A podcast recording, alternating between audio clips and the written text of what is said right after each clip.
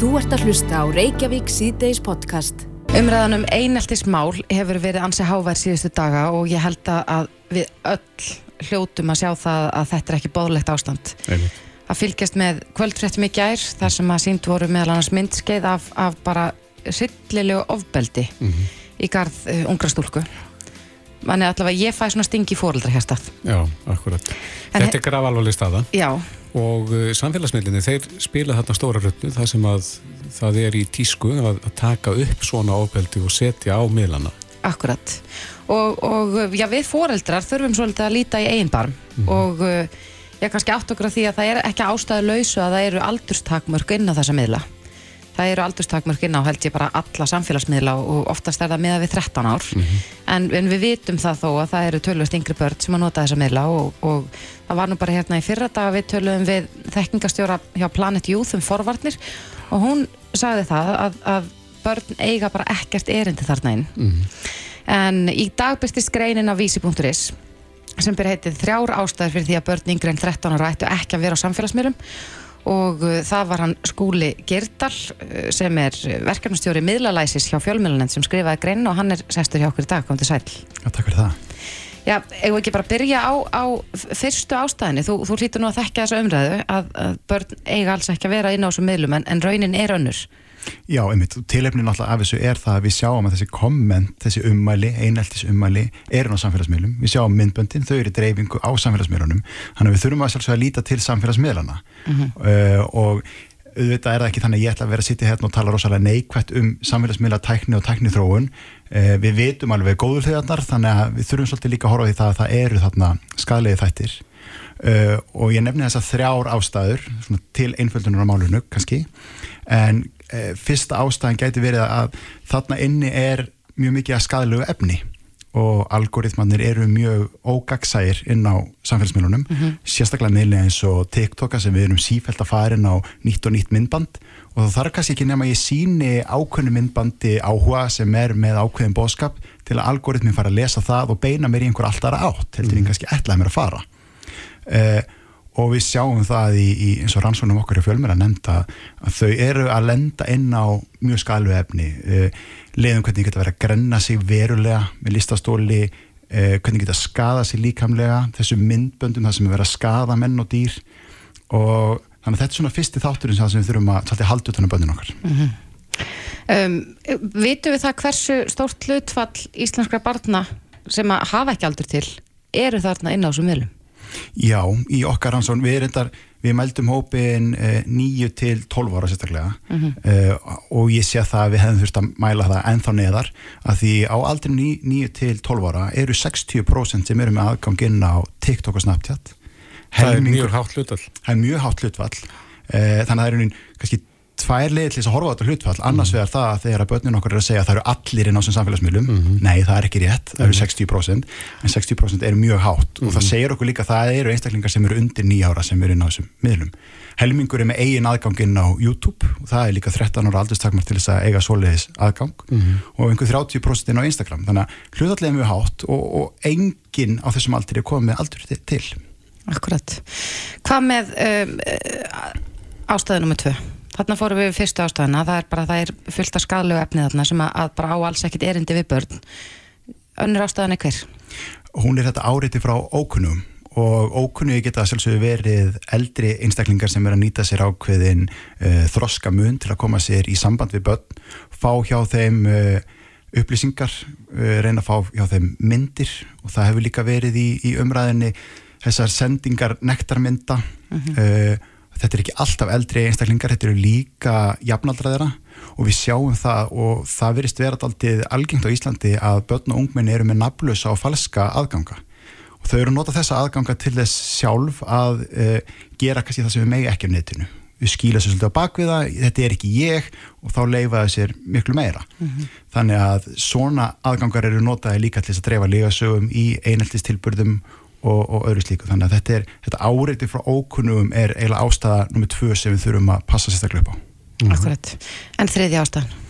það er stafrænt fótspor og uh, það er í raun eitthvað sem að ég þurfti aldrei að pæli þegar að ég var yngri því þá var ekkert Wi-Fi eða Bluetooth eða samfélagsmiðlar þegar ég er að gera mín uh, feilspor og uh, þegar ég er að þroskast og, og, og svona þróast sem einstaklingur mm -hmm. þau takir sér fótspor inn á samfélagsmiðlum og þau fótspor, þessi stafrönu fótspor er til staðar.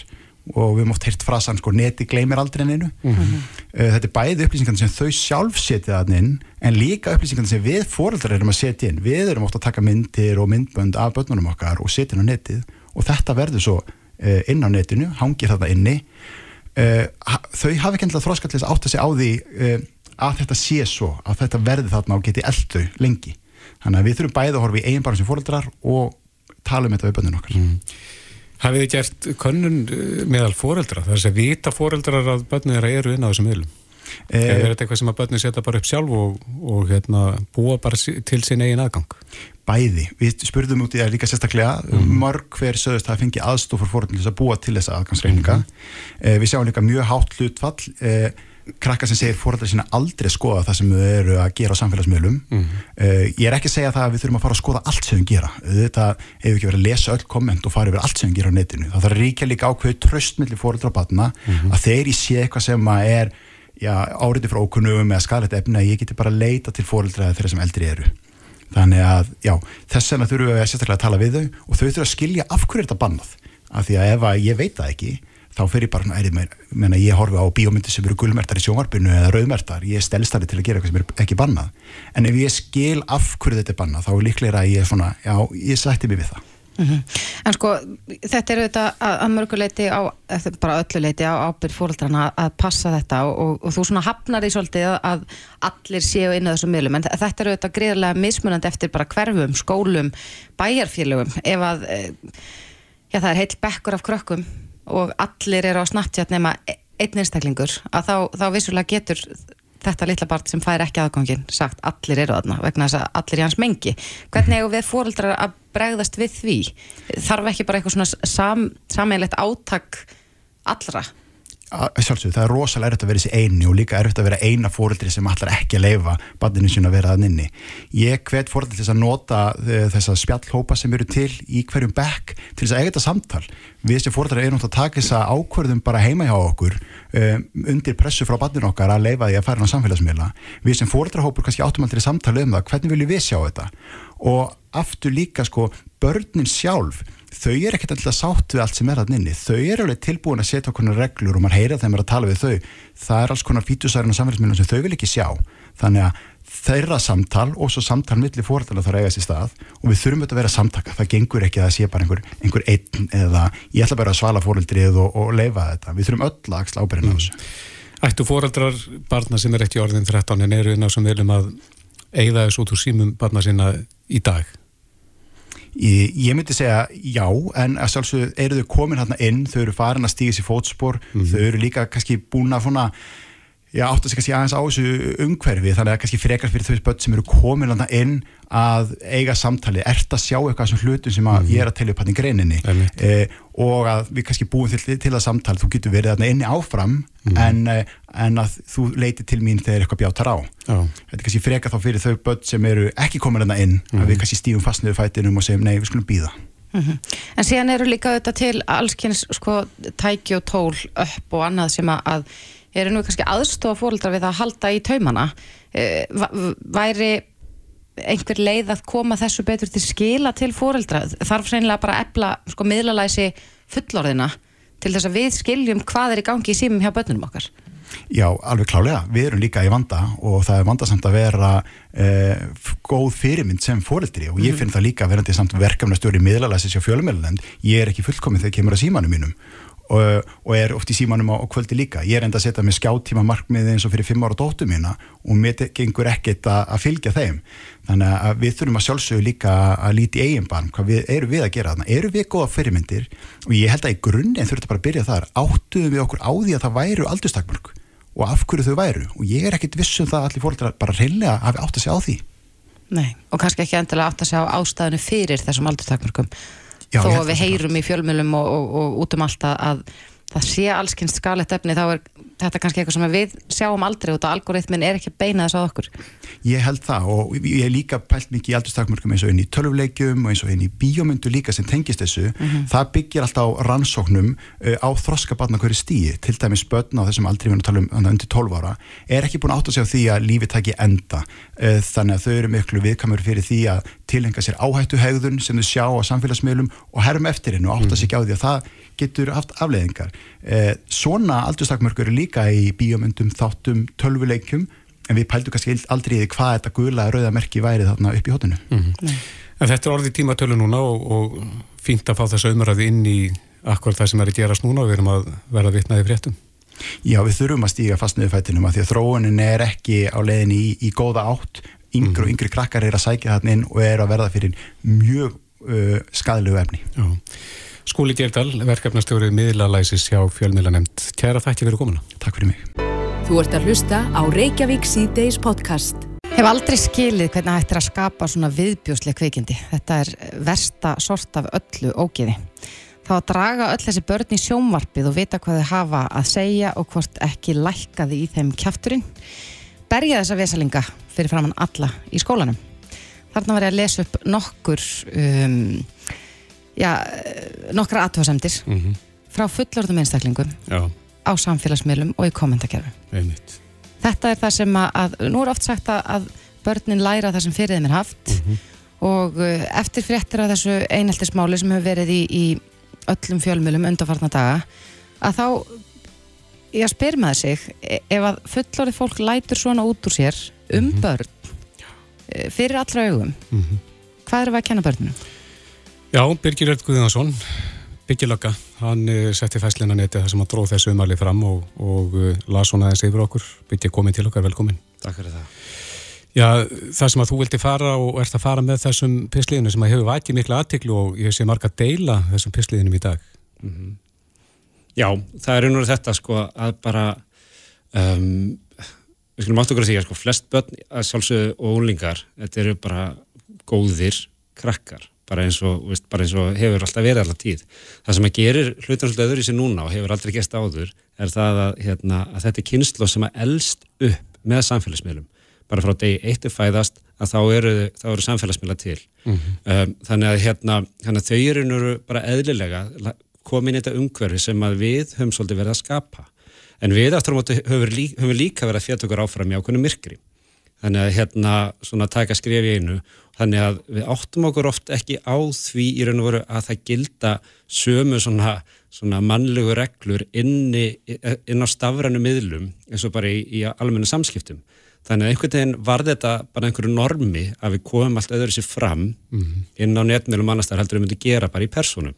Um, og þetta sjálfsögðu smittast til krakkana að, hérna, að þau bara, einhvern veginn, að það verður bara, þeim finnst í raun og veru, það beri að það sé minni ábyrð fólkin í því að, að koma öskrandi inn á, inn á hérna, samfélagsmiðla og koma illa fram við einhverja þar, þó við myndum kannski ekki gera það bara undir meðlum kringumstæðum. Man getur ímynd að segja það ef að fullorði fólk lætur rétt út úr sér á netinu fyrir allra augum. Hvernig er talsmáttin þá heima fyrir?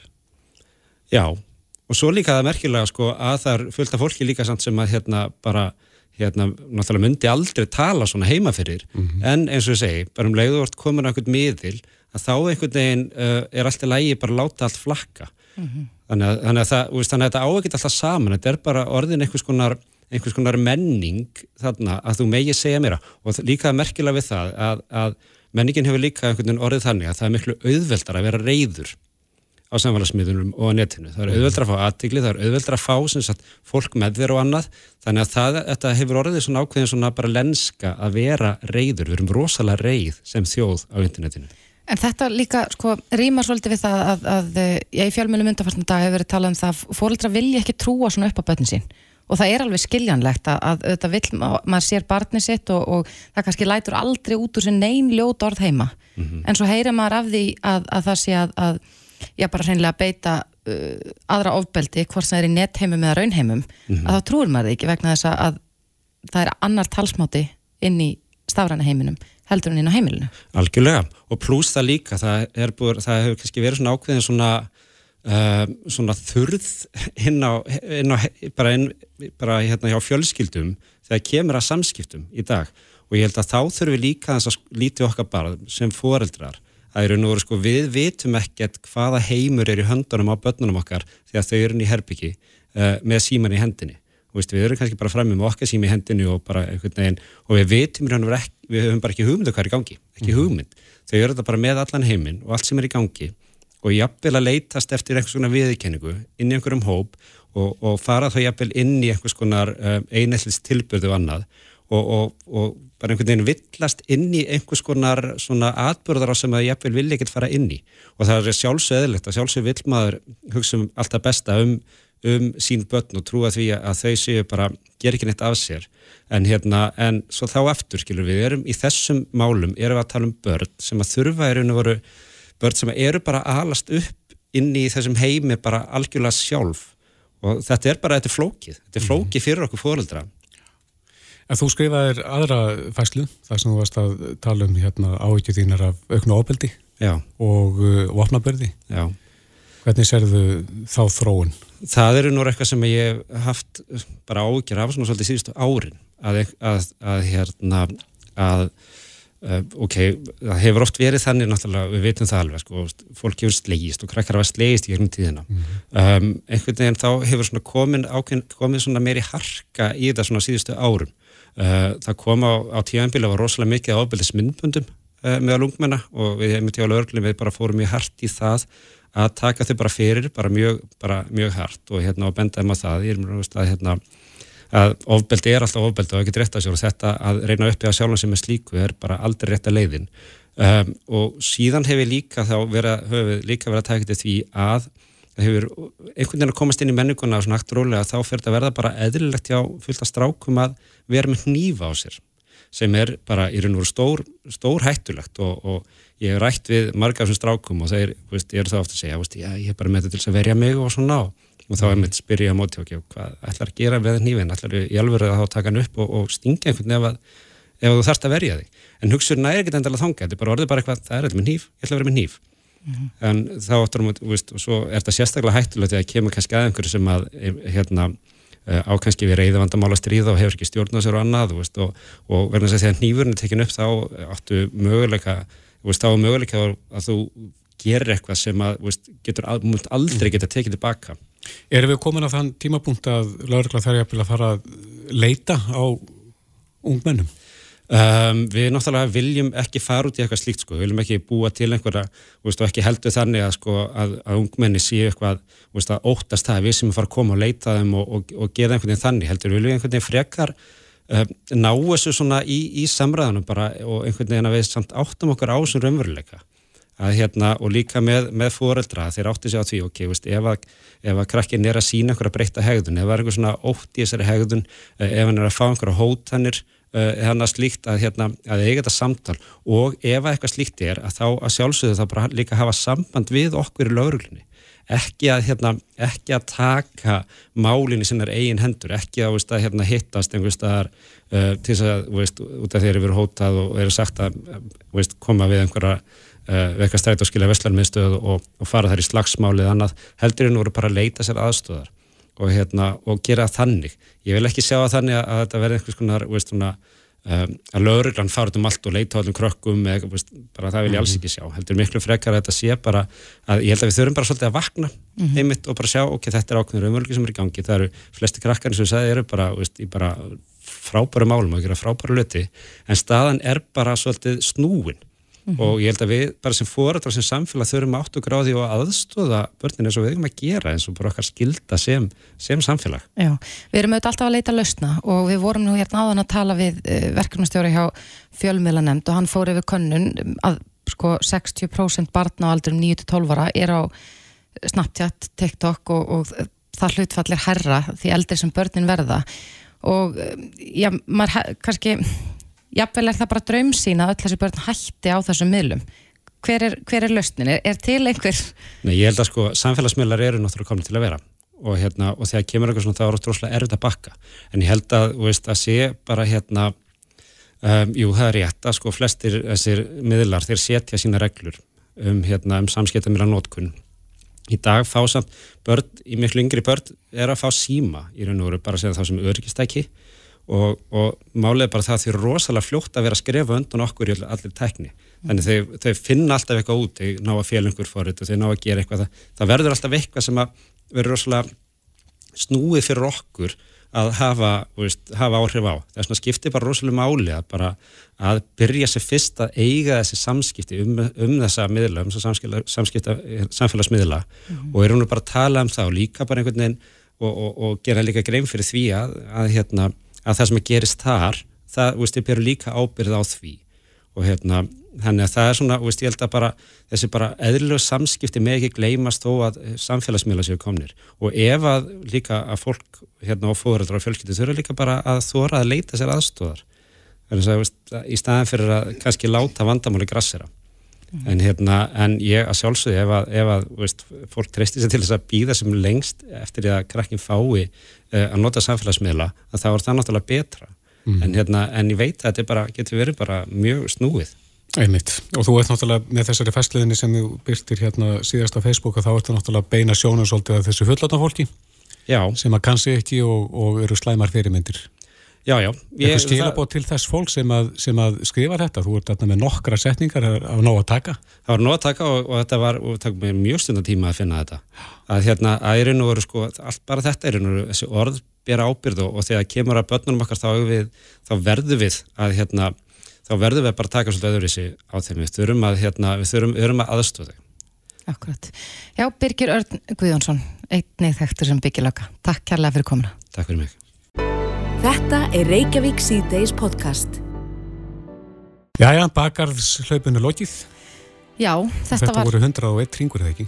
sem að, að belgarnir hlaupu, þetta var sérst heimsmyndstrakeppni landsliða í bakarslaupu og við tókum við þetta þátt hér á landi og mm. að það var hann Þorleifur Þorleifsson sem stóði upp sem sigurveri en belgar sigruðu Já, svona til samabera hvað, hvað hljöpu Íslandingarnir eða Þorleifur, hvað hljöpan margar hingi? Voru ekki 60? Hann Þorleifur, hann eh, nei, 37 ringi Voru 37? Já, Já.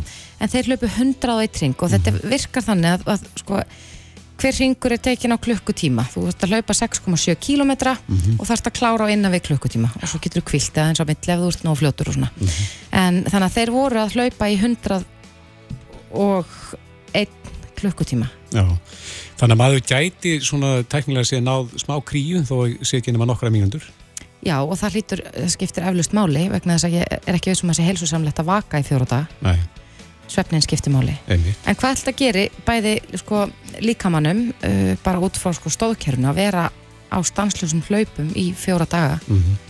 Það er stóra spurningin. Tómas Guðbjörnsson, hjart á lúnasérfæðingur er á línunum, kom þú sæl? Já, blessuð. Já, hvaða, hvaða ógagn getur þetta gert líkamannum eða þetta getur alltaf verið hálft?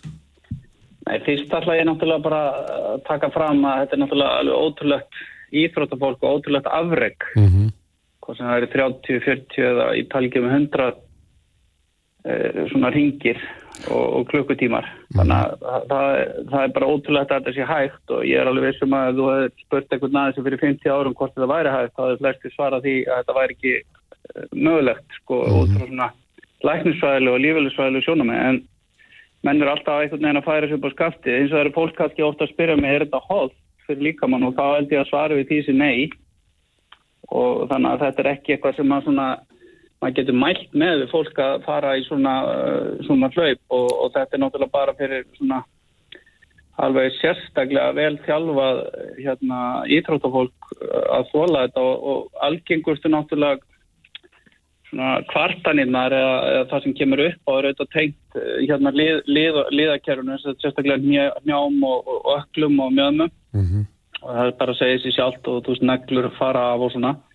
En svo er kannski svona alvarlega það sem mann getur gert veist með með bæði hérna, ég er sérstaklega söldin í líkamennum eða þú passar ekki nógu vel upp á að drekka og taka einn söld þá getur þú fengið svo kallega híponatrimi er að vera lækkun og natrium í blóði sem getur verið mjög hættulegt til dæmis valdið kjáslátartröflunum og, og, og það hafa verið gerða mjög vandaðar ansóknir á þáttakandum í þessum hlaupum, ekki kannski, ég hef ekki séð það sérstaklega í bakarslaupunum, ég held að þau séu aðeins betri en mörg önnur vegna að það er smá pása þarna mögulega fyrir þá sem eru fljóttur hlaupaðan að hýn.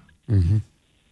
En það eru mýmar dæmi um svona hlaup því það sem er að hlaupa 350-400 km marga, marga dagir röð. Hvað hafa þær rannsóknir sínt?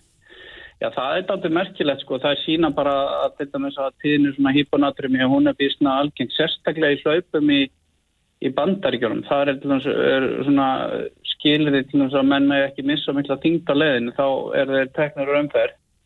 Þannig að þeirra þá verið að drekka uh, mikið vögva og kannski ekki passa sig að drekka eða taka inn söld líka. Mm -hmm. Og þá lækka sér hlutfall þessa natriðum í blóðinu sem er svo mikilvægt fyrir líkastarsemina.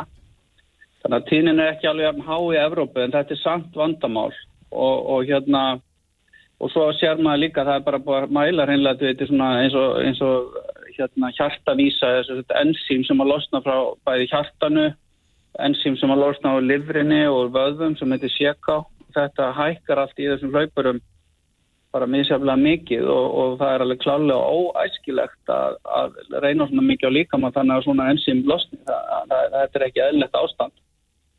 Og þá er ég alls ekki samt, ég er ekki að forda með þessu, ég er bara að segja að þetta er ekki fyrir hvert sem er og, og, og ég get ekki mælt með þessu sem einhverju svona líðhelsu reyfingu. Það er þetta þjálfa í þetta, vantarlega? Það er þetta að þjálfa sig upp í þetta og það sem er aldrei kannski merkilegt við þessar ansónu líka er það að það búið sína fram að þessi hlauparar sem að fara í þessi hlaup, þeir eru þólnari á sársökaða narir. Já. Þóla sér náttúrulega og auðvitað er þetta meira held ég oft andlegt heldur en andlegu styrkur heldur líkalögur endilega, þú veist, að, að, að geta látið sér hafa þetta hlaupa svona sama hringin hundra sinnum og, og hérna að hans að gefast upp og fá svona lítil svepp. Mm -hmm. En það er þessi rannsókn sem sína það að þessi hlauparar eru ótrúlega hérna sterkir svona hvað verki var það að geta pýnt sér áfram og hafa svona ákveðin og svona sálfræðilega þætti sem að hjálpa þeim í gegnum þetta líka. Mm -hmm. Fyrir það að þetta hafa gríðalega sterkan líkama en þetta satt kostar ímislegt og, og, og hérna fólk er oft lengi að jafna sig Já. það er búin að sína fram að það er hæri tíni og öndun að fara síkingum á eftir og, og fólk verður til þess að passa sig á því að borða ekki mikið því að það er náttúrulega brennir kannski þrefalt fleiri kalóri heldur enn í vennilögu hlaupi. Þetta er svona ultramarathon eins og þetta kalla þetta er það oft skilgjörn þannig að þú ert að hlaupa lengur en 50 km eða, eða lengur en allavega marathon Akkurat, en, en sko ef við hugsun bara eins um svefnin nú er alltaf að tala um að, að við hefum að passa okkur að kvílast nægilega mikið og þá voru nú uh, í frettum sagt frá því að hún Mari Jesk sem að lendi öðru seti var sennilega farin að sjá offsjónir. Uh, þetta hlýtur eitt og sér að vera bara nokkuð varhugavert. Algjörlega og það er náttúrulega bara búið að gera fullt á svona rannsóknum eins og með herrmenn og orðstuflugmenn og, og fleiri slíka þú veist að láta að vaka mjög lengi og svona, omgrundin verður skert. Nú er það kannski ekki stort vandamál á hlaupabraut en að þú standur í, í fjallgarði eða hömrum og tekur vittlis ákvarðin þá getur það haft mjög afdregar ykkar afleðingar og, og eða þú veist að gera svona einhverja vinnu sem er krefst mikilvæg nákvæmni og þetta náttúrulega skerðist allt með sveflisi. Það er alveg klárt en það er hægt að pína sig gegnum sólaringa í rauðans og svoða mikið en, en það er langt frá því að vera æskilegt og það er náttúrulega getur haft áhrif á svona keppundur síðar að þeir kannski þjást af á söptröflunum og mm -hmm. það mhm. getur verið svona hæritinni af þunglindi og kvíða og svona sem að fylgjur meðan fólk er í afnási þannig að þetta er gríðalegt áláð líka mann en, en, en, en þetta er samt eins og ég segja aftur bara ég er ekki hérna maður bara öfunda fólk sem er með svona sterkan líkama og sterkan viljakraft að geta mm -hmm. þetta en teka aftur fram að þetta er bara svona fyrir svona súper íþróttafólk og það er gaman að því að við náttúrulega Íslandíkar eigum margast líka, Mari er náttúrulega frábært dæmi. Og Elisabeth Marquez og Þorleifur sem við nefndið, Ágúst Kvaran, við eigum alveg heldlinga á svona mjög sterkum uh, svona ofurhlaupurum mm -hmm. og haldur ekki en, en þetta er hérna, þetta er svona eru svona úrvalds eintök sko. Og ég líka brínir fyrir þessu fó sama fólki þú veist að fara valega þannig ég hafði svona pína ákjöf því að herði Mari tala um að veist, hún hefði verið svona hálf slöpp sko og þeir voru að spyrja hana. Hún hefði einhvern veginn átt vondan dag en samt hljópun skilji eitthvað, eða ekki, 200 kilometra mm -hmm. Jú, akkurat, en við bárum líka undir hana fæsluna þína þar sem þú talaður um reytingarnar Já. Uh, hún var nú ekki á því að, að það myndi að bæta mikið hjá henni hlaupin þó hún myndi hægt að reykja. Ég er alveg til í bara að hitta Mari eitthvað tíman og, og hérna ræða þetta eins og hérna. Hún talaði um ónæmiskerfi, það er nú ymmið sko þannig að maður hættir að reykja þá batnar ónæmiskerfi til munna. Þetta er bara, veist, þetta er alveg super sterk vísindi þarna baki. Þannig að þeir þurfum við bara að hittast. Við þurfum bara að hittast og, og hérna, ég ætla samt ekki að fara út að hlaupa með henni því að þá er neitt skilja mig eftir en, en, hérna, en ég náttúrulega vinn bara í slökkulegin hérna þannig að það var ábyrðilegt mér líka tjá mikið þannig að þetta ja. var eiginlega ekki gaggrinn á maður, þetta var kannski meira líka fjölmjölarskildu lifta þessu upp og hann var að fara með heilt kartón af síkartum með sér í hlaupu vegna þess að þetta náttúrulega kannski sendir aðeins vitlu skilabóð, við erum svo Já. er svo frábæri aðstöðu hérna í Íslandi núna það er ekki náma 7% fullvarðar sem reykja á Íslandi. Þetta er bara sko, heimsmætt og, og þetta áttur að spara sko, 10 miljardar í heilbæriskjærunni framtíðin þetta er svona eitt af jákvæðasta sem er að gerast í Já, þú þarf bara að ná Mari í rétta liðið Já, ég var sko alveg til í það að, að hérna, spjalla hans við hann og þetta og, og hérna, en ég hlusta á viðtölpaði ykkar og fleiri við hann og þetta er er ótrúlega skemmtilega viðmælandi og þannig að ég hef ekki að vera gaman að tala af hana. Já, rétt aðeins í lokin og örstuðt, eh, einn spurning eh, utan á sál. Hvað er það sem gerist í líkamanna þegar maður fær hlaupasting? Já, það er nú ekki öðvöld að svara því. Þannig að nú er prófessorinn bara orðlaus, sko. Nei, það, menn men vita það ekki. Þetta er oft svona tengt, ekki satt, eh, svona eins og tintinni mm -hmm. og, og, og þetta er bara mjög, mjög flókið uh, ferli og Við vitum það sem sagt ekki. Nei, ef, ef ég vissi að það var ég eflust búin að fá Nobel-svælunin sko. Já, en, en... Nei, svona gammalögt að þetta verður svona bæði trubluna á tögabóðum uh, og, og, og, og innönduninni og Já. þetta getur valdið svona svo spasma í kringu þindina og innönduna við hana. Þannig að hérna En bara svo, ég, ég svo, svo þessi hlustandi kannski heyri það, þá, þá spurðu við eitthvað um Arnar Pétursson hlaupara að því sko, hvernig maður ætti að losna við hann og hann komið þau góður á það að sko, snúa handlegnum þeim megin sem að hlaupastingurinn er í ringi. Sveifla. Þetta svinvirkar. Ja. Ertu búin að prófa þetta? Ég er búin að prófa þetta. Ég fæst undir hlaupasting og ég er bara búin að finna lausnina. Ja. Ég hef prófað sjálfur að hlaupa mig í gegnum hann sko og, og hérna En það væri líka gaman að tala Arnur um þetta. Það væri hérna, það, þetta, þetta, þetta, það er margt merkilegt í mannslíkafnu og svo margt líka sem við skiljum ekki. Þessum er þetta svo spennandi starf líka að vinna sem læknir. Og, Já, prófa hérna, að sveifla höndunum í hingi til að losna við höfbæstingin. En eh, Tómas Guðbjörnsson, hjart á Lúnasærfræðingur, kæra þakki fyrir spjallið. Sömulegis, gaman að heyra ykkur. Bless, bless. Þetta er Reykjavík C-Days podcast. Jæja, Reykjavík sýtis, klukkan 29 myndi gengin í 6 og uh, við fórum aðeins yfir niðurstöðu könnunar hér á þann, það sem að við, já, hún kom okkur verulega óvart, það er þess að niðurstöðu þeirra könnunar. Uh, spurningi var, hefur þú orðið fyrir líkamsárás og það voru um 5.000 mann sem að svöruðu þessari könnun hjá okkur og 40% svöruðu henni játandi og segjast að orðið fyrir líkamsárás og er bara sjokkuraður yfir þessum dölum. Já, við fórum að 60% segja nei. Við fórum að segja þetta á hann, en, en sko þetta er rosalegt hlutvall. Já, akkurat. Hefur svo rakst ég hérna á e, e, grein eða lítinn fréttamóla, það sem að e, sérfræðingur í reyngjörningum er að vara okkur við því að búa um rúmin snemma eftir að við förum á fætur. Þess að við hefum að býða með það. Mm. Og ástæðin er svo að við svitnum á meðan við sofum og ef að fyrsta verk okkar er þegar við stöndum upp rúmin að búum að þá erum við að loka rakan og hitan inni Já. sem að býr til kjöraðstæði fyrir reikmaður og slíkt. Sko þetta veldur mjög miklum ágjum vegna þess að ef ég á að muna það að búum rúmið mm -hmm. sem er áskorun út af fyrir sig, þá verði ég að gera það um leðu í vakna. Já, miða við, þetta, miða við þetta þá er betra fyrir að gera það ekki. Já, en svo er talað um það að, að sko allt það fólk í heiminum sem nær hvað lengst er fólk sem býr um rúmið sitt. Þetta er í alvörunni þegar það er bók sem heitir Seven Habits of Highly Effective People. Ég þurfti að segja þetta á ennsku, ég veit ekki hvað hann heitir á íslensku. Mm -hmm. og þetta er bara einn fyrsta reglan. Búum rúmið sitt. á mótana. En býða þess með það Ja, þá mun ég aldrei muna það. segjum bara, segjum bara 20 myndur, kortir ok, þannig að það er kannski lægi að vakna Já. fá sér kaffisopa busta tennur, búum rúmið. Leifa, leifa svitanum á þotna mm -hmm. og uh, rúmin aðeins að að þurkast upp. Já. Herðu en, e, farsaldalögin, þetta er nú orð sem við heyrum e, reglulega mm -hmm. en við vitum kannski fæst uh, hvað stendur á bakvið þau. Já, veist ég er búin að heyra þetta mjög oft í, í viðtölum upp á síðkastið og þetta er auðvitað eitthvað sem kom til með ásmönda einar í dagasinni, mm -hmm. barnamálar á þeirra og það er oft talað um það eins og bara til dæmis í tengslu við þessa einheltisumröðu, bara innlegging á farsaldarlögunum, en, en ég er ekkert alveg vissum að allir áttur sér nákvæmlega á því í, í uh, hvað er fólki í þessu. Nei. Við ætlum að komast að því. Já, komið til okkar sérfræðingur í þessum málum uh, og allar að ræða þetta við okkur. Hann er komin hann uh, Páll Ólafsson, farangatastjóri farsaldarsviðis barna og fjölsýttu stofu. Velkomin. Takk fyrir. Já, þetta er mikið notað orð en kannski ekki margir sem vita hvað fælst í þessum orðum, farsaldar lög. Nei, einmitt. Þetta, þessi lög heita náttúrulega samþætting þjónustu í þáu farsaldar barna. Mm -hmm. Það hljómar rosalega vel. Það segir mann ekkert. En segir mann kannski ekki mikið. En þetta gengur kannski bara út á uh, þrennt, getur við sagt.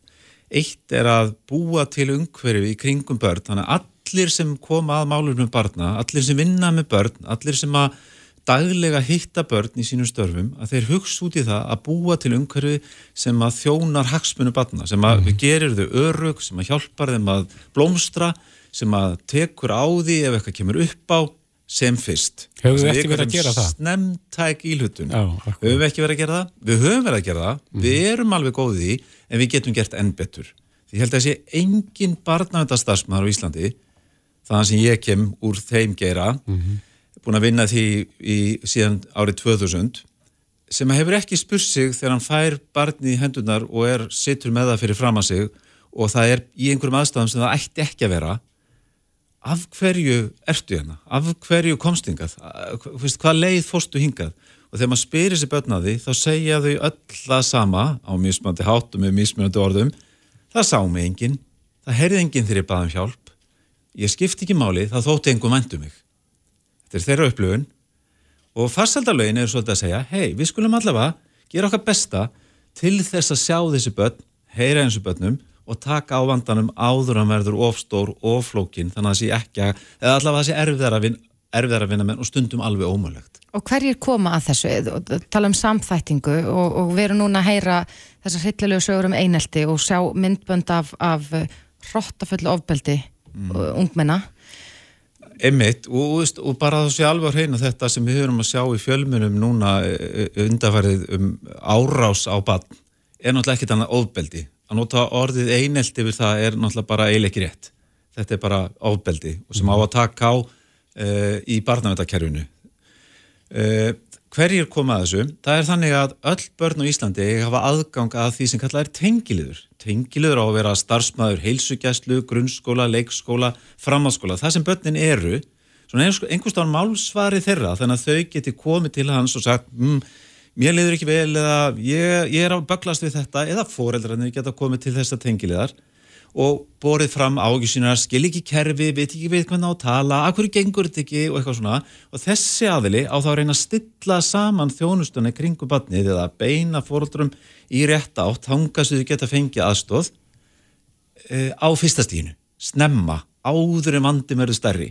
Síðan er til annar aðili sem við kallum málstjóri sem að teku við ef þetta gengur ekki. Hann er þá stættur á félagsþjónustu og á þá að sjá til þess að að, að samræma vinnubröðinni kringum börnin ef að vandin er komin á það stík. Við erum þessir... aðalega fókusir á fyrsta stík mm -hmm. að þau langar svo til að leysa vandabanna meðan hann er þar. Einmitt. En eru þessi tengilegi komnir í skólana? Það má segja að e, þetta var til e, 1. januar núna síðastliðin mm -hmm. og þetta er innleðingar tímabil upp á 3-5 ár og allt sem að þarf að innleiða, allt gott, innleiðist ekki að sjálfu sér. Þannig að við erum bara hérna á barna- og fjölskyldustofu og í menta- og barnamálaráðanati að hjálpast að innleiða þessi lög. Sveitarfélagin eru ótrúlega hugrökk og dögleg síðan að að innlega lögin í raunveruleikan sinn mm -hmm. og það má, við höfum gerðan að ringt í öll sveitafélag og 80% af sveitafélagun eru byrjuð að innlega eða komin að stað og búin að tilnefna tengiliði inn í skólana en þetta er auðvitað ekki komin að í alla skóla og það er ekki búið að kynna þetta fyrir öllum fóreldrum, þetta er bara ennþá svona tilrauna pröfa sig áfram, læra hvert öðru stígi Af því að við vorum að tala hérna um einelt á það mm. Er tengilegurinn, er hann uh, aðeins sem að barn sem upplifir einelti á að tala við? Já, það gæti verið að, að það væri þannig. Í þessu tjóðliki eins og er núna búið að vera, þá er það, þá er það augljóslega að barnamindina á að vera komin inn í þetta mál mm -hmm. til þess að taka á þessu með aðstóð og, og samvinnum við löguröklu og náttúrulega skólan og svo umfram allt foreldrarsamfélagi því að auðvitað er þetta fyrst og fremst gengur út af það og það er hluti af farsaldina við stillum saman strengi allar sem koma að börnum og segjum bara hei, við ætlum að gefa sömu skilabóð frá öllum til þessar aðila til fóreldrarna, til barnana, við líðum þetta ekki. Þessi hegðun er ekki samþygt. Og við hjálpum þessum börnum sem nota þessa aðferð til að upplifa völd eða sína, eða fá útrás við reyði sína eða frustrasjón eða hvað það er, að sparka hennur börn. Það eru þetta ekki eðlert neinu barni. Það eru engin börn vond í eðli sínu. Þau eru bara að nota ranga aðferð. Og við þurfum bara að hjálpa þeim að læra nýjar aðferðir. Og þar getur þengilegur komið inn í til að hjálpa að stilla saman strengi þeirra batna sem er að nota þess aðferð uh, meðal annars. Mun þetta, sko þessi farsæld, farsældarlögin og þegar að búið verður að innlega þetta, verður þetta bylting í, í málefnum barna? Við höfum sko ofurtrú á þessu og en auðvitað erum við reyna að stilla vendingar í hóð. Þetta er ekki þannig að það séð komið hérna einhver uppskritt af endalösir hamingju og engin einheltistilvíkminn og komið upp og öllum börnum minni líða vel en að minnstakosti ætlum við að gera rosalega heiðarlega um, atlögu að því að láta fleiri börnum líða vel og láta fleiri börn finna fyrir stuðningi og láta fleiri fóreldra finna ok, kerfið er að hjálpa mér en ekki bara þvælast fyrir. Og þetta er það ekki þannig, veist, það er fullt af fólki sem er að vinna góða vinnu og við viljum ekki draga úr því.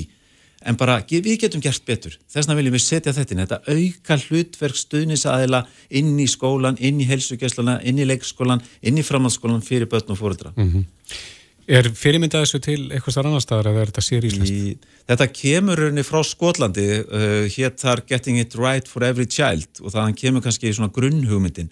En auðvitað er þetta búið að móta og þróast í, það er búið að vera undirbúinsvinna undir þessi lög mörg ár hérna í ráðnutinu, búin að vera að fundir með öllum mögulegum aðlum og ræða þetta fram og tilbaka og svona hefur við viljað hafa þetta, nei við verðum að fara svona, tala við personum en tala við sveitafélagin og núna er þessi hugmynd komin og, við, og þessi lög eru orðina lögum og nú erum við að innlega þetta. Sér munum við að sjálfsögðu eftir innlegatífumbilið, setjast niður, fara yfir það, var þetta að virka, þurfum við að breyta þessu, þurfum við að gera eitthvað annað, þurfum við að bæti í eða hvernig er þetta.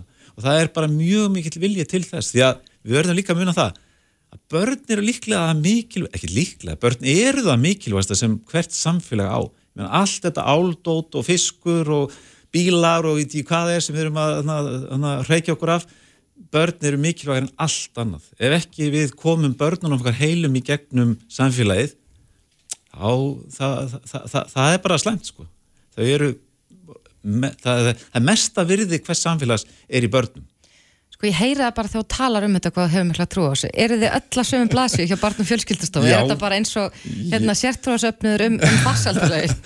Nei, við erum sko, við erum, ég er ekki sko, ég er ekki hérna, leiðtói sértrúasafnar, það er alveg reynu. Við erum bara með flott heimi sem er komið inn á barnum fjölskyldastofu sem er til þess að styðja við sveitafélag, til þess að styðja við skóla, til þess að styðja við heilsugjæslur og það hafa allir starfsmenn barn og fjölskyldtjónustu ofurtrú á þessu. Og það hafa, ég hef aldrei heyrt neitt á öllum þessum skriljón kynningum sem við erum búin að hafa og halda um alland fyrir fagfólk.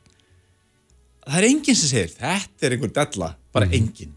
En svo skiptir miklu mál að hafa ráþæran á baku sig líka? Ráþæran, hann er bara frábær, ég segi það bara. Hann er bara frábær stuðningu fyrir okkur og ótrúlega duglegur einstaklingu sem hefur komið málufnum barna á þann stall sem það er núna. Ég er bara, við erum mjög stolt að því. Og enda kannski þörf á, við erum búin að vera að fjalla líka bara um sko, einelti, ofbeldi, auk, aukna hörku meðal barna þannig að við þurfum að ja, taka í taumana. Eitt af því, það er nefnilega mjög mikilvægt. Eitt af því sem að samþættingalögin segja er að, að rauninni fyrsta stíð af þessu öllu saman er að búa til skólabrag eða anda í ungfri barna sem gerur öllum börnum líðu vel. Hvernig getum við gert það? Það er ekkert smá verkefni. Öllum börnum líði vel frá mm. byrjun. Já. Tökum við til það, Páll Ólásson, frangotastjóri eh, Farsaldasviðs, barna og fjöldsýttið stofu. Kæra það ekki verið komina. Og gangi ykkur vel með þetta. Já, takk fyrir. Reykjavík síðdeis á Bilginni podcast. Það er 50 dagur. Og það þýðir bara eitt. Mm -hmm. það eru fastegna fréttir Akkurat og hann er sestur í okkur, Pall Pálsson, fastegnarsali Sæl og blessu Herri Palli, nú ætlum við að fara ringverð um Já. landið. Heldur betur, við höfum ekki alveg verið að gefa landsbyrnu nóg miklu aðtekli Nei, við verðum svolítið bundið við möluna Já, það er svolítið þannig. Og mér langar svona, tók svolítið saman bara svolítið verðin. Mhm. þú veist, ég tók til dæmis ef ég tek bara sko fermetra, bara tek höfuborgarsvæði bara út fyrir mingið Mhm. það sem meðal fermetra verið hérna í kringum 670 skall. Tók það bara út, tók bara all landið fekk út meðal fermetra verð á landsbyrni Mhm. og sá að það var sko nærði helmingi minna það er 350 skall Já. á Það miklu. Þannig að auðvitað er mismunandi eftir staðsetningum og svo framvegis en Mhm. Hvar viltu byrja að ferða Já, ég er nefnilega að spá, hvort ætla að fara no- ég er sko alltaf hrifnar að því að ég er að keira ringin ég fer alltaf söðurleðina, veit ekki okkur Já, ok. ætla að fara söðurleðina eða norðurleðina ringin, Ok. Eða að breyta til og fara norðurleðina núna? Ok, þá. Þegar að prófa það? Ég hef ræðið einhvern Byrjum við þá á skaganum? Ég þá byrjaði það fyrir vestan sko. Mhm. þú veist, í raun og veru, sko ef ég tek vesturlandið allt sem er svolítið stórt og mjög mörgu af þessum svæðum er náttúrulega mjög stór þá er sko bara vesturlandið eins og leggur sem er meðal fermetra verið upp á rúmlega 300.000 svo er til dæmis eins og Akranes sem er náttúrulega hérna vinsælt staður, það eru 384 skall á fermetrinn. Mhm. en Ólafsvík tók það til dæmis líka. Mhm. það er meðal fermetra verið um 203 skall. Er, er þetta ekki bara útskýringin af þessu sko nálaðin við höfuborgarsæð það er Jú. alveg heill hellingur af fólki sem býr á Akranes og keirir í bæin í, í vinnuna. Nákvæmlega sko. Og ég sko það er líka sko eins og með söðunisinn mm. sko ef við bara leifum mér að svindla fara það kannski næst að því ég Mhm. byrjar að tala um það að þá sko söðunisinn er með 400 skall á fermetrinn Mhm. en sko Reykjanesbær er með meðal fermetri að vera upp á 425.000 á fermetrinn en það sem komur á óvart að Grindavík það er meðal fermetri upp á 352.000 á fermetri já, já. og ég skal viðkynna það ástæðan fyrir því ég horfði svolítið að Grindavík er það að ég var nú í afmælendum daginn og það var einhver að spyrja mig af hverju fastinu verður svona Grindavík svona látt og ég fór bara hreinlega að skoða það og ég sé bara að Grindavík er bara töluvert ódýrara heldur en sko þessi þú veist, hérna þessi svona nær Mhm. nær bæir til dæmis eins og bara hver er getið Selfoss Já. og Reykjanesbær En sko. Hversu mikið spilar bara eftirspurnin? Bara klárlega miklu sko Já. og ég er búin að vera mjög hugsa yfir þessu út og hverju til dæmis er þetta svona í Grindavík en, en ekki svona hver er getið Selfoss til dæmis en hérna ég er svo sem er mína skoðuna en ég hef ekkit fyrir mér í því sko en ég held að sko eins og með Reykjanesbær eins og með Selfoss og hveragerði Mhm. þetta eru kannski svolítið bæi sem eru svolítið að breyta sér sveppbæ að því leitinu til að margir sem búar en vinna í bænum Mm. Þó það sé til fólk í Grindavík og Grindavík er gríðarlega fjárhastlega sterkur bær. Mhm.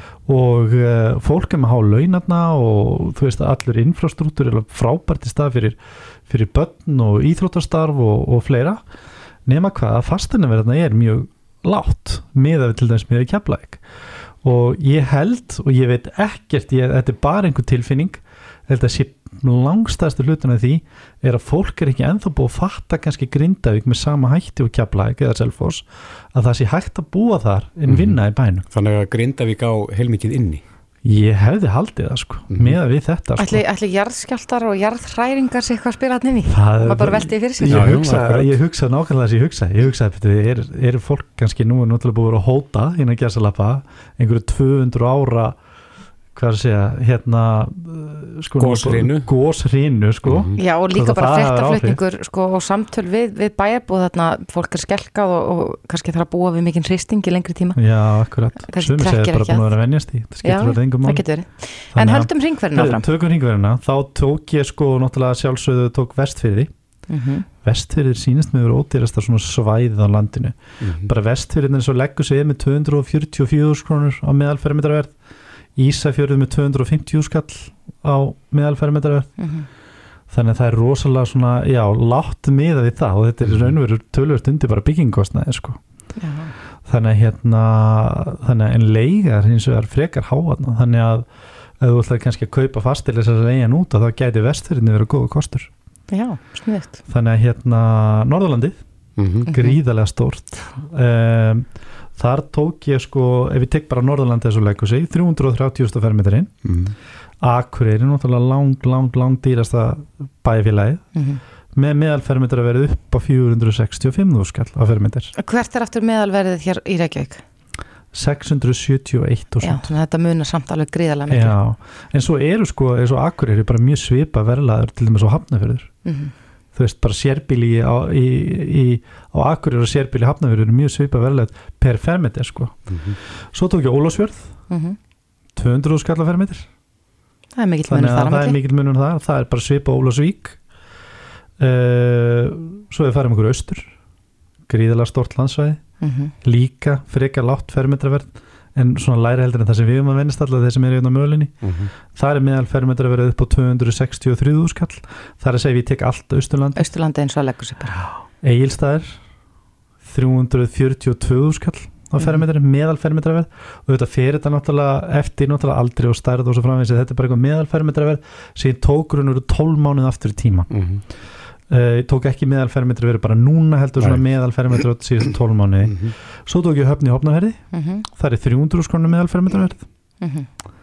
svo er það Suðurlandið Rúsínan í pilsavöndanum Rúsínu Segir þú Sko, þú, þú mátt ekki hafa skoðun á þessu þú ert- þú Herðu, ert ekki hlutlaus herðu, það skulle við bara pína Kristofur aðeins þú veist náttúrulega Dýrasta að vera á Selfossi. Það dýrast það? Já, það já. að það er Selfoss Mhm. nú er þú að segja mér hvert meðalfermetra verið ég reynda að tók bara sérbíli þar. Já. Ég myndi halda að vera svona 470.000 hvað segir þú þóttís? Ég ætla að segja um, 465.000 þetta eru Eh, þú varst nær Þórdís Yes! það er 433.000 Já. fermetri Já, ég við ekki að þetta var ósangjönd Þannig að að hérna- skjóta svona nálægt Kristoffer þetta en er náttúrulega besta aðferðin það er að segja að hann skýtur á sko 470 það segir bara 469 það er alltaf næri að vera undir því. Mhm.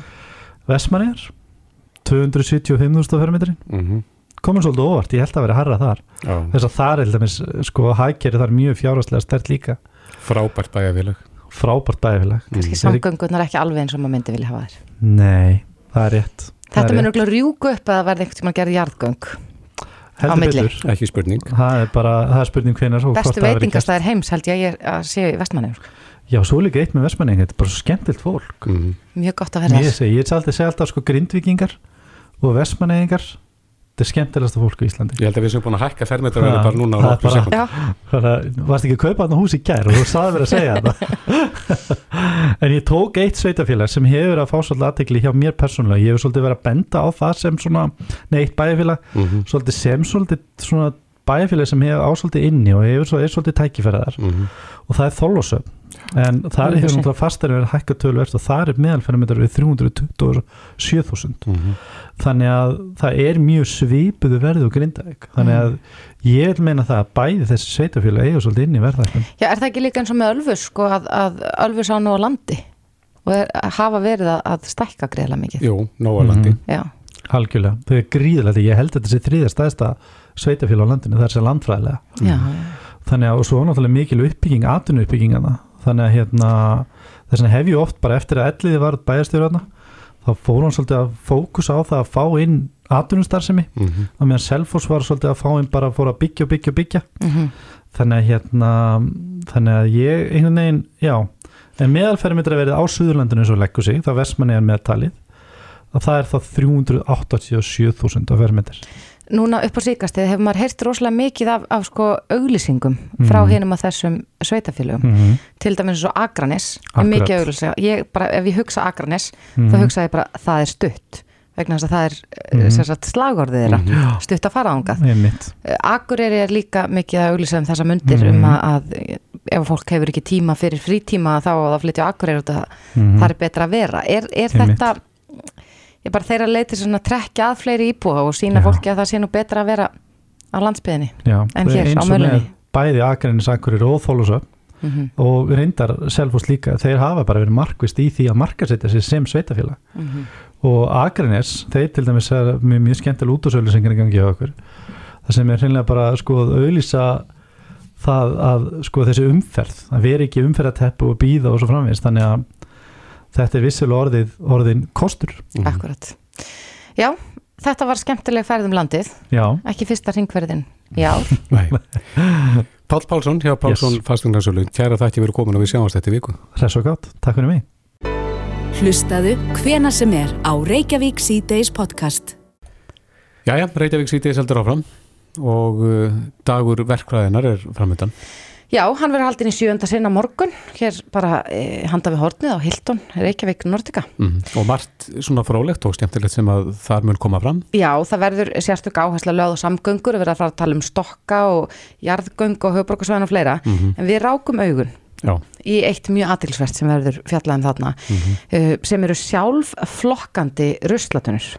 Ég held að þetta sé himna sending fyrir marga sem ég... að annarkvátt nenn ekki að flokka eða kunna það ekki. Ég er sammála og sko Þa, það eru þetta mikilvægt af flokkum rusl og ég, ég tel mig vera ágæta í því mm -hmm. alls ekki fullkomna eins og þar og staðan er samt reyndar ennþá svo að sömur eru ennþá bara að, að henda plastflöskum og áldósum og öllu mm -hmm. í uh, ruslið, bara ruslatununa flokkað ekki, mm -hmm. þannig að þetta er eflust himnasending fyrir þann hóp En það verður gaman að vita hvernig það virkar Já, og uh, til þess að segja okkur frá því er hann sestur hjá okkur Óláf Gunnar Danielsson framkvæmdastjóri sprótafyrirtækisins Ípokk Kom til sæl.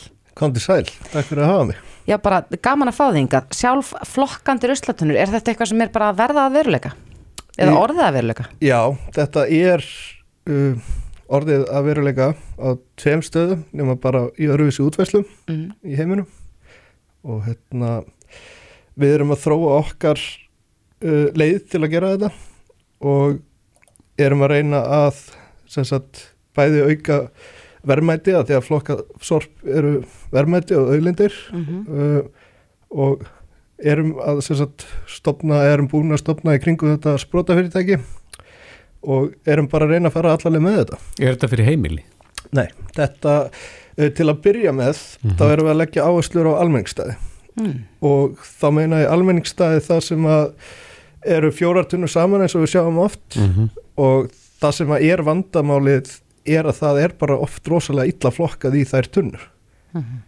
Meina bara svona eins og fyrir eins og bara í kringlunni eða nýri bæ eða einhvers staðar þar sem við erum um... Já, umhend og við vorum um þetta að spá í þessu í háskólinni Reykjavík til dæmis þar sem við erum og fáum allan okkar stunning mm -hmm. Þa, þar eru fjórar tunnur saman all, allstaðar uh, og það væri ideal fyrir okkur Er þá sem sagt bara eitt op fyrir allt saman og þú bara hendir því sem þú þarfst að henda í þetta op og kerfið sér um að flokka þetta í rétt að tunnu? Já, nákvæmlega. Og hvað les uh, þetta system? Er, er það bara efnisinnihaldið á því sem er hendið? Já, það eru sko, það eru margir skinjarar í þessu og það er svo tölvusjá og við erum að kenna gerfigreindar ef ég sleppi aðeins að uh, þekkja hvernig raust lítur út mm -hmm. hvernig, pappir lítur svona út hvernig og... pappir og plast og alls konar lítur út mm -hmm. uh, og svo eru skinjararnir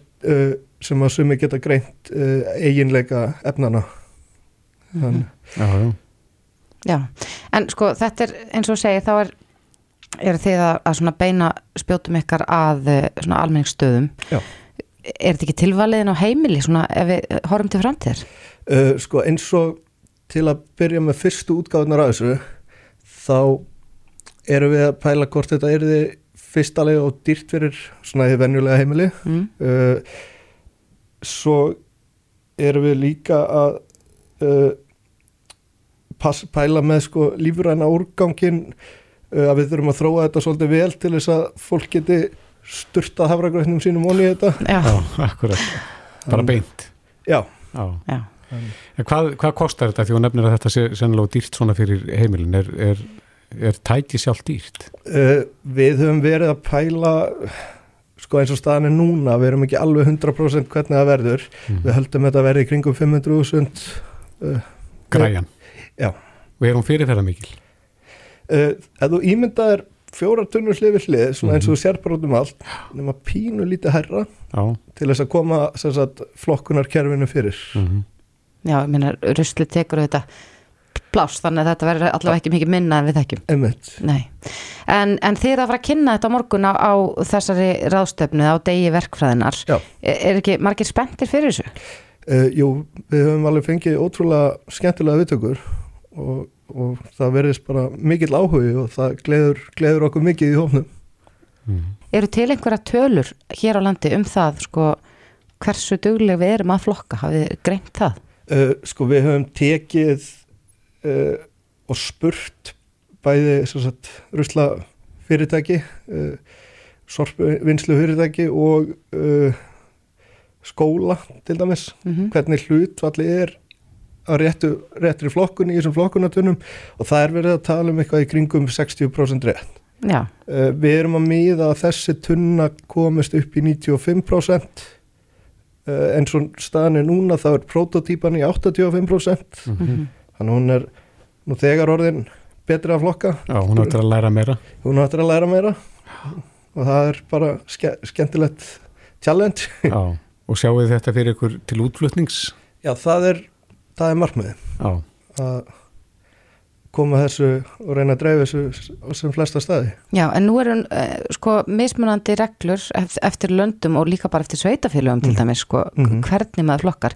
Mun, mun tunnan geta lesið þetta alveg þannig, er þetta forrita þetta eftir því hvernig reglurnar er á hverjum stað? já, það er sem sagt við erum búin að lista niður 17 flokka sem við viljum að þessi tunna geti greint Mm og við viljum geta bóðið sem flestum að þá kaupa tunnuna því að þá mun hún henda þeirra svæði Já, já, akkurat. Já, en þið kynni þetta á morgun á degi verkfræðinar en við þakkum því að kærlega fyrir að koma hinga og segja okkur frá þessu Ólafur Gunnar Danielsson, frangvatastjóri sprótafyrirtækisins EPOC. Takk fyrir komuna. Takk fyrir Reykjavík síðdeis á bylgjunni. það hefur verið töluverð umræða að undaförnu um dýravelferð og velferð rossa, sérstaklega þá í borgarfyrði. Já, umræðan um þetta hefur verið ansi hávær og, og já, spjótin svolítið verið að beinast gagvart matvælastofnun. Já, og það er sorgarfrétti bárust í gæra að það þurfti að aflífa 13 ross, Mhm. varðað aflífa innan gæslappa kannski. Mhm. Því að svimið telja að það hefði geta verið farin önnur leið og mildari leið til þess að halda þessum rossum á lífi. Mhm. Ég rakst á fæslu inn á fjörsbókar hóp sem að heiti stöndum vörðum dýravelferð, það sem að byrta flókadóttir, eh, hestakonna og dýravinur. Ég er að byðla til eh, þeirra sem þar eru inni og spyr hvort að fólk sé til að leggja í búkið til þess að, að svona standa öðruvís að þessu málum. En byrta er á línunu, kom til sæl. Sælu blessaður. Já, þú ert að byðla til fólks þannig að það megi þá breyta verklæginu í, kringum þessi máli eða hvað gengur þið til? Það má eiginlega segja það að mér er bara svolítið misbúðið að það sé virðist vera eina úrræðið í kerfinu okkar í dag að fylgjast með dýrunum e, verslast upp og þegar að þau eru bara komið niður fyrir ákveðu holdastig þá sé virðist eina úrræði vera að að uh, vörslusvifta til þess að senda í slátrús. Og ég hef bara fundið að það er fullt af fólki út um allt sem langar að koma dýrum til hjálpar og þessum dýrum til hjálpar. Og ég er að kanna svona áhuga meðal þess, þess fólks. Eh, að eh, undibúa möguleika á að taka við hrossunum ef að kemur til vörslusviftingar á þessum tíu sem að maður segja að sé við, viðkvæmu ásigumulegi. Já, þannig að þú ert að óska eftir fólki sem að þá getur bóðið fram sína aðstóð og kannski húsnæði og, og fóður. Já, það gæti verið hvort heldur sem er að fólk sem að væri tilbúið til þess að, að taka við dýrum og fóðra eða leggja reynilega fjármunni í púkið til þess að hægt sé að koma dýrunum fyrir þannig að þess að bara með einhverjum hætti að leggja dýrunum lið. Já. Ertu búin að kynna að það má það? Það er að segja má matalastofnun setja dýrin í hendurnar á svona vandalösum? Sko, ég get ekki séð annað en það að það sé svigurum fyrir því í dýravelferðalögunum uh, í grein 37-38 þar sem er talað um að, að maður hafi svigurum til þess að taka dýr af. Það er talað um svona eitthvað eins og sambarlegt við uppbóð eða einhverja aðra leiðir þannig að, þannig að ég, ég sé ekki betur en að það sé svigurum. Sem bara sem svo að við myndum ná saman fólki sem er tilbúið annarkvæmst að taka við hrossunum eða borga uppihald. Við myndum hafa þetta úrræði bara sem væri einstaklingsframbúð, neða framtak, eh, tilbúið þannig að ef að kæmi til vörslusviftingar á þessum tíu sem að eru vist svona á brúninni og búin að bjóða það fram þá sé ég ekki af hverju ætti matalastofnun ætti ekki geta selt okkur uh, þessi rosa sláturverði til þess að koma þeim til heilsu aftur frekar en að setja það á slátubílinn. Ég get ekki séð en annað en að það væri möguleiki. Þannig allra síðast óræði ætti að vera að aflifa dýrin? Já, að klálega og á meðan það er fullt af fólki sem að hérna, hefur áhuga komandi bjargar, það eru e, aðilag sem átti þau áður sem að eru tilbúin að taka þau tilbaka og það eru aðilag bara e, hér og þar sem að hafa áhuga á að koma þessum dýrum til hjálpa. Þá finnst mér að það væri ekki stætt á því að senda þau bara í slátrús mm. og það er bara einhvern neðustaf sem ég held að fullt af fólki sé bara ekki tilbúið til þess að sjá mm. aftur. En hvernig hafa viðbröðum verið við þessu? Uh, þetta er náttúrulega bara nýfarið í loftið, þessi hérna svona fyrirspurn um þetta og ég er gett samt sagt að ég er nú þegar búin að hafa sambandið með ýmsir aðilar sem eru bæði til í að taka þessir ross og eru til í að leggja fjármunni í að reyna að bjarga þessum rossum. Þannig að, að í, það er fullt af fólki sem er bara ekki sátt við hvað kerfið okkar getur gert lítið í að hjálpa dýrunum. Það er kerfið er aðalega bara að fylgjast með, kerfið getur gert aðtöðsandir við hérna, meðferð eh, en það, það, það getur ekki svona raunverulega hjálpa þeim. Nei. Skiljuðu hvað ég á við, mm. þú veist. Þau getur ekki tekið þau og fóðra þau eitthvað en klálega ef að við myndum, e, fólk myndi taka sig saman, e, fólk sem hefur jafnvel, áhuga á því að að breyta bara þessu kerfi hjá okkur hennilega, þá gæti þetta verið kannski eitthvað fyrsta skref, eitthvað fræ sem að gæti inspirerað okkur til þess að finna aðra lausnir en eru núna í bóði. Mm. Þeir sem að eru áhuga samir, hvert geta þeir leita til þess að koma málunum lengra? Þú, þú ættar að halda auðvitað um þetta? Já, ég ætla að halda um þetta og taka svona við uh, því sem að ég fæ frá fólki um, um, um möguleika til hjálpar mm -hmm. og reyna að leiða hópin við varum að vinna þetta bara saman sem einstaklingar og hérna, en ég var í tilbúin að leiða hópin og sjá hvort við getum gert eitthvað í þessu. Ja. Og til dæmis bara að fara inn á Facebook-grúpuna, stöndum uh, verðum dýravelferð. Ég, ég setti þetta fæslu líka inn á Hesta samfélagið og Vegan Ísland, veist, þannig að ég er svona bara að kanna einsum mhm. hópum. Akkurat. Já, við segjum bara gangið vel með þetta. Þessi dýr eiga stílið miklu betra heldur en kannski raunni varði í gær en Birta Flókadóttir hestakona og dýravinnur. Kæra þakki fyrir þetta og gangiði vel. Já, kæra þakkir. Bless, bless. Bless. Já, þetta er svo sannlega verðugt málefni já. og við vonum að já, það munir bera árangur. Já, það verið fundin einhver laust, nönnur heldur en kannski að, að fella þessi greiði dýr. Akkurat. En ég held að það sé komið að leiðarlokum hér hjá okkur í dag. Já, við minnum á nýja konun inn á vísi.is og það má finna viðtölinn úr þessum þætti inn á vísi.is og svo er þetta að lusta í gegnum Bilgju appið. En við heyrumst á slæginu klukkan fjögur á morgun förstu dag. Já, þanga til. Verið sæl.